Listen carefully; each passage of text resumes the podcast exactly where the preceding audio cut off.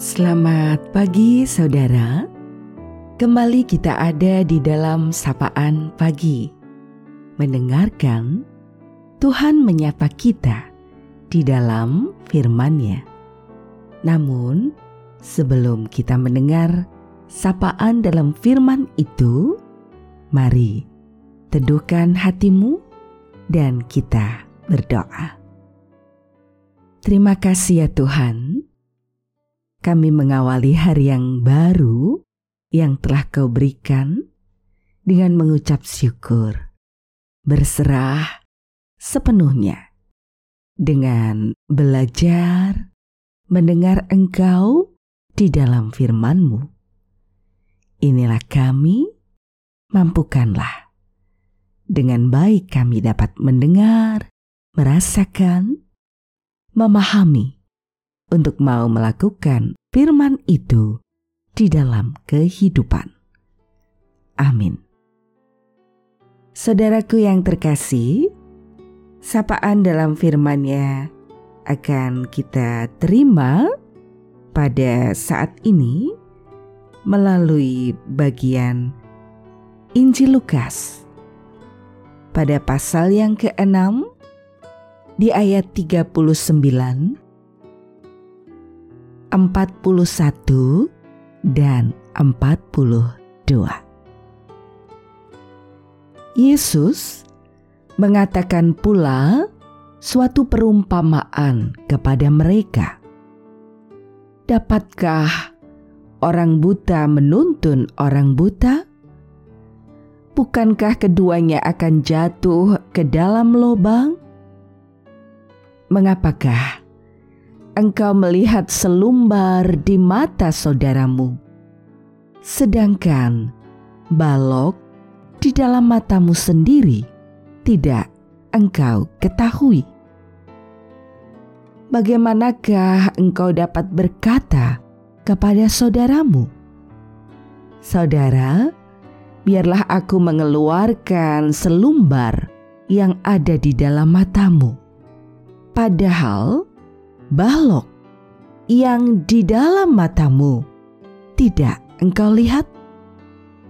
Hai orang munafik, keluarkanlah dahulu balok dari matamu, maka engkau akan melihat dengan jelas untuk mengeluarkan selumbar itu dari mata saudaramu kita akan refleksikan dalam tema Keluarkan dulu balok di matamu.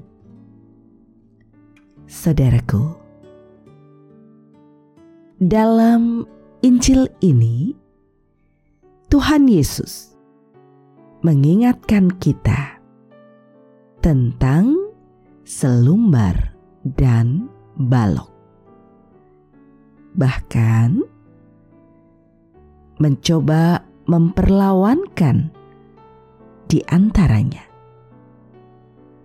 Selumbar itu dapat disamakan dengan serpihan jerami kecil atau sehelai rambut atau bulu yang mungkin terbang dan masuk ke mata. Secara kiasan, kata selumbar dipakai Yesus untuk mengartikan sebuah kesalahan yang kecil. Lawannya adalah balok, kiasan untuk kesalahan besar yang sungguh mencolok. Dengan kiasan ini, Yesus mengkritik kebiasaan orang-orang Farisi yang suka mencari dan mencela kesalahan orang lain, sementara mengabaikan kesalahan diri sendiri. Dengan kata lain, Tuhan mengajak kita untuk bercermin, ya, untuk bercermin diri melihat diri sendiri sebelum mengarahkan pandangan kita kepada orang lain. Nah, fenomena yang terjadi adalah kecenderungan melihat kekurangan atau kesalahan sesamanya, atau singkat kata, kecenderungan mudah menilai dan menghakimi orang lain. Sebagai murid Yesus yang sejati, maka kita disadarkan bahwa alat pengukur untuk menilai sesama sejatinya ada di dalam diri. Sebelum kita menunjuk kekurangan orang lain, kita harus melihat diri sendiri. Nasihat Tuhan kepada para murid kala itu amat konkret dan masih sangat relevan untuk saat ini. Nasihat Tuhan ini juga memacu kita untuk memperbaiki kualitas diri, tidak menghakimi orang lain sebelum kita menilai diri kita sendiri, atau sebelum kita mengarahkan tuntutan kepada orang lain kita harus terlebih dahulu melihat dan mengarahkan pada bagaimana diri kita sesungguhnya. Maka, saudaraku, mari kita mengusahakan dengan sekuat tenaga agar kita terbebas dari mentalitas yang hanya melihat kehidupan dan kekurangan orang lain, yang suka melihat selumbar di mata orang lain, namun tak pernah bercermin diri. Tetap semangat, terus jalani hari-harimu dengan penuh sukacita, taati prokes yang ada, salam bahagia, dan belajar menjadi pribadi yang berguna. Tuhan merengkuh kita dengan cinta kasihnya. Kini kita akan akhiri sapaan pada pagi hari ini teduhkan hati kembali untuk berdoa. Ya Tuhan Yesus, Engkaulah sumber kehidupan kami. Terima kasih untuk sapaanmu dalam firman yang boleh kami dengar. Yang senantiasa mengingatkan bagaimana kami meneliti hidup kami, berhati-hati menjalaninya dan tidak mudah untuk melihat pada kekurangan yang lain. Terima kasih untuk kesempatan di pagi ini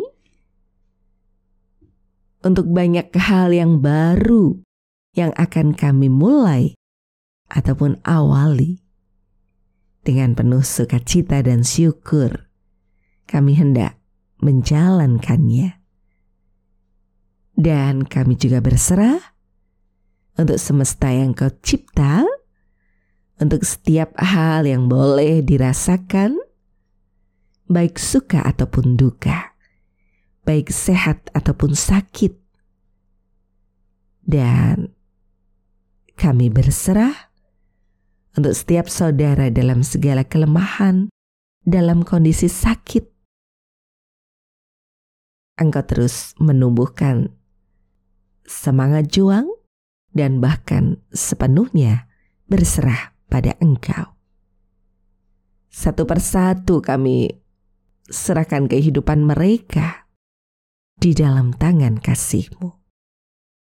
Dan kami juga menyerahkan sepenuh hidup yang masih ada dalam waktu yang kau berikan. Ajarkanlah agar kami mampu untuk terus berjuang melakukan kehendak-Mu juga, membimbing anak-anak kami di dalam kehidupan denganmu.